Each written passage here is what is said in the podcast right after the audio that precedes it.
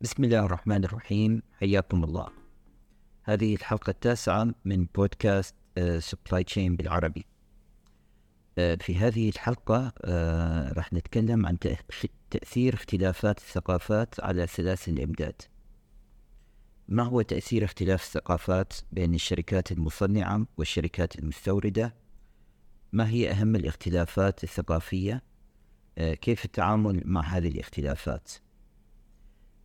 بطبيعة الحال الشركات المصنعة سواء كانت في شرق آسيا أو الشركات المصنعة في أوروبا أو أمريكا الشمالية وأستراليا آه، عندهم ثقافات مختلفة عن الثقافة العربية. آه، فهذه الاختلافات طبعا مهمة ويجب أن آه، نأخذها بنظر الاعتبار. لو نلخص أهم الاختلافات الموجودة الاختلاف الأول هو اختلاف بكيفية التفاوض على الأسعار. ربما آه، الثقافة العربية أو ثقافة البازار آه، الموجودة هو أنه آه، يعني إحنا نحب نتعامل ونبقى نتفاوض على السعر لفترة ربما أطول من ما هو موجود في الدول الغربية مثلا بأوروبا وأمريكا الشمالية. الثقافة الشرق آسيوية هي ربما بهذه النقطة مشابهة للثقافة العربية. فإذا يعني التفاوض لمدة طويلة على السعر آه، شيء مقبول بالثقافة الآسيوية ومتوقع. وأيضا طبعا بالثقافة العربية. بالثقافات الغربية والأمريكا الشمالية وأستراليا آه، يوجد تفاوض بس آه، تفاوض إلى مرحلة ما. فربما كثرة التفاوض تخلي الشركة المصنعة تشعر بالتململ أو تشعر أنه الطرف اللي يريد يشتري هو غير جاد بالشراء لهذا يعني مستمر بالتفاوض أو غير واقعي آه، فيعني ممكن يكون لها آثار سلبية بهذا المجال. فلهذا يعني بحال التفاوض مع شركة غربية آه، يجب أن الشخص المفاوض يخلي حدود آه، لطول هذه المفاوضات حتى ما تنعكس سلبيا على علاقته المستقبلية مع هذه الشركة. في حين مع الشركات الآسيوية ممكن الاستمرار وممكن الحصول على أسعار حتى ربما أقل من السعر المنطقي المتوقع آه، لأنه الشركات بشرق آسيا تأخذ اعتبارات أكثر من كلفة المنتج وهامش الربح. يأخذون مرات اعتبارات لأنه يريدون يدخلون لأسواق آه، جديدة بالنسبة لهم أو يزيدون حصتهم الشرائية. فلهذا ممكن آه، في بعض الأحيان يكون توجههم يعني قوي جدا فيما يتعلق بتخفيض الأسعار. النقطة الثانية هي العقود القانونية.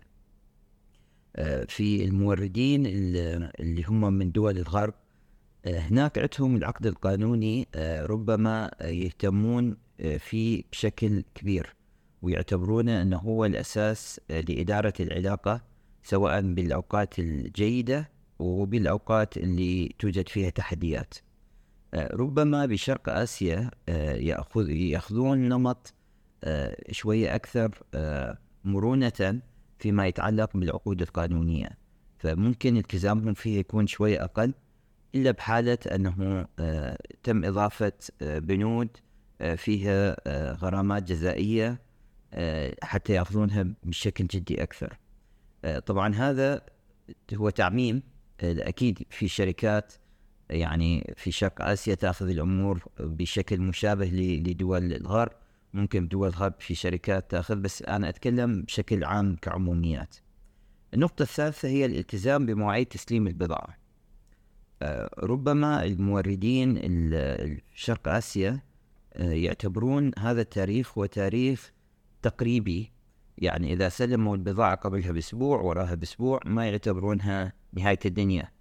آه، لكن بالنسبة للموردين بأوروبا وأمريكا ممكن عندهم التزام ربما شوية أكثر آه، فيما يتعلق بالمواعيد. آه، لكن هذا الالتزام أيضا آه، له تأثيرات بحالة وجود متغيرات خارجية ممكن التزام الشركات الغربية بالإجراءات المعمول بها يأخر شحنات في أوقات الصعوبة. مثلا ربما في زمن جائحة كوفيد كان قسم من الموردين من شرق آسيا يعني التزامهم بتوريد البضاعة كان أفضل من قسم الموردين الغربيين والسبب هو أنه يعني ربما الموردين بشرق آسيا دائما عندهم طرق أخرى بإيصال البضاعة وتصنيعها. ففي مرونة أكثر في قسم من القوانين والإجراءات الداخلية. النقطة الرابعة هي طبعا الالتزام بجودة البضاعة. حاليا من نتكلم عن شرق آسيا يوجد يعني مصنعين لبضاعة تعتبر من أجود أنواع البضاعة تأتي من شرق آسيا وفي أيضا البضاعة متوسطة الجودة وفي البضاعة قليلة الجودة فيعني حاليا من المستحيل التعميم أنه كل البضاعة التي تأتي من شرق آسيا هي جودتها أقل. هذا خطأ. يعني يوجد بضاعة ذات جودة عالية جدا. فهم يعني عندهم القابلية يصنعون آه، كل أنواع جودة البضاعة. فيما يتعلق بطبعا دول الغرب أكيد عندهم آه، يعني خصوصا دول مثل ألمانيا مثلا آه، توجد جودة عالية للبضاعه ويهتمون جدا بجودة تصنيعهم للحفاظ على سمعتهم. فبهذه الدول طبعا تعتمد كل شركة وسمعتها. لكن بشكل عام البضاعة حتى الرخيصة تكون ذات جودة معينة ومحدود معقولة. بسبب القوانين والتشريعات آه، اللي تحمي المستهلك في دولهم في دول الغرب. فلهذا يعني آه، جودة المنتج لازم آه، يكون فيها يعني درجة من الجودة اللي هي تطابق أقل شروط ممكنة حتى يتم تسويق هذه البضاعة في هذه الدول. النقطة الخامسة هي الشفافية للوضع المادي للشركة المصنعة. والتزاماتها فيما يتعلق بال ESG اللي هي آه، قوانين والالتزامات البيئية المجتمعية والحوكمة.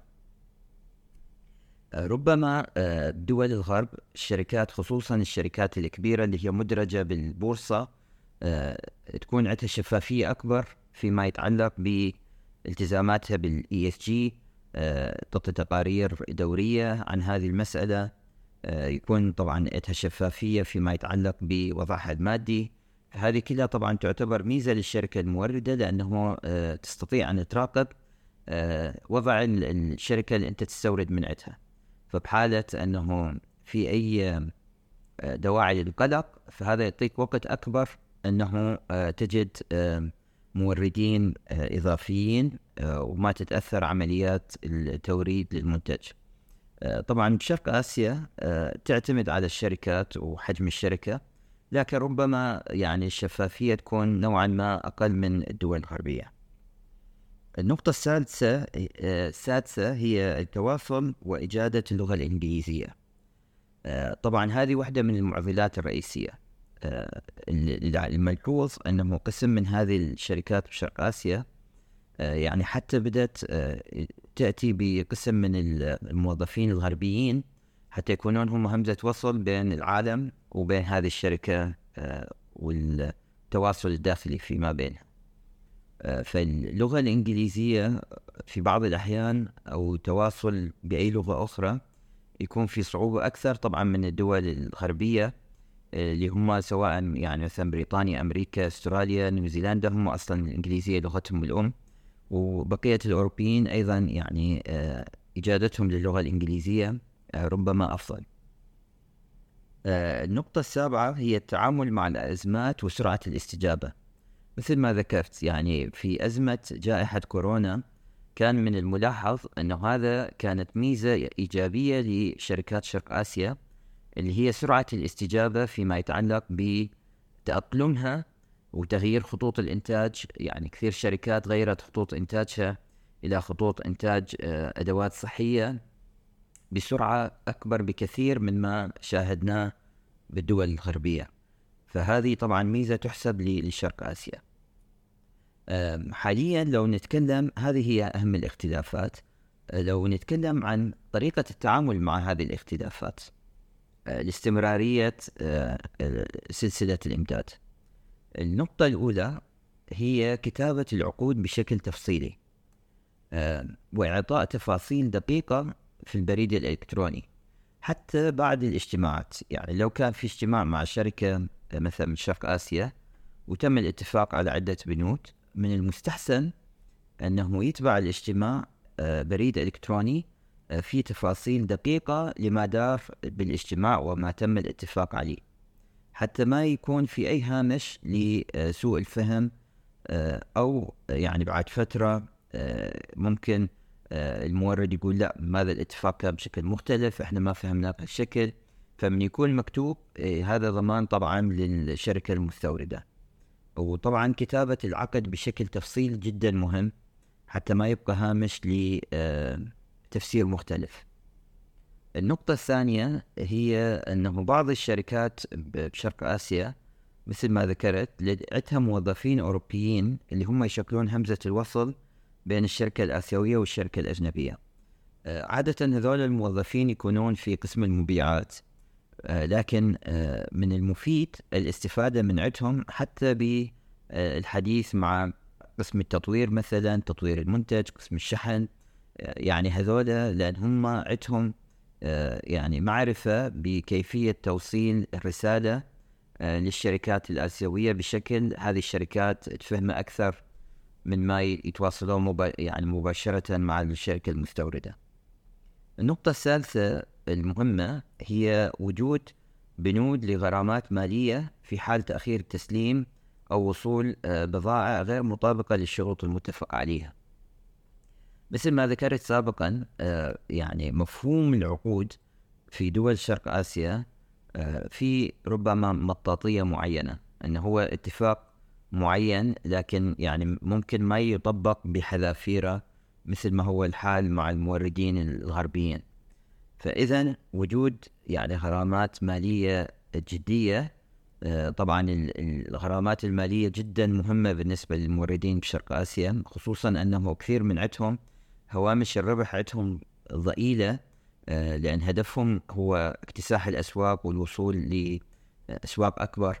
فلهذا يعني حتى لو كان كانت الغرامة بنسبة قليلة فهاي يكون لها تأثير كبير عليهم وتحفزهم للالتزام ببنود الاتفاق. آه والنقطة الرابعة طبعا هي التواصل المستمر آه مع الشركة المصنعة للتأكد من استمرارية العمل بالشكل المتوقع.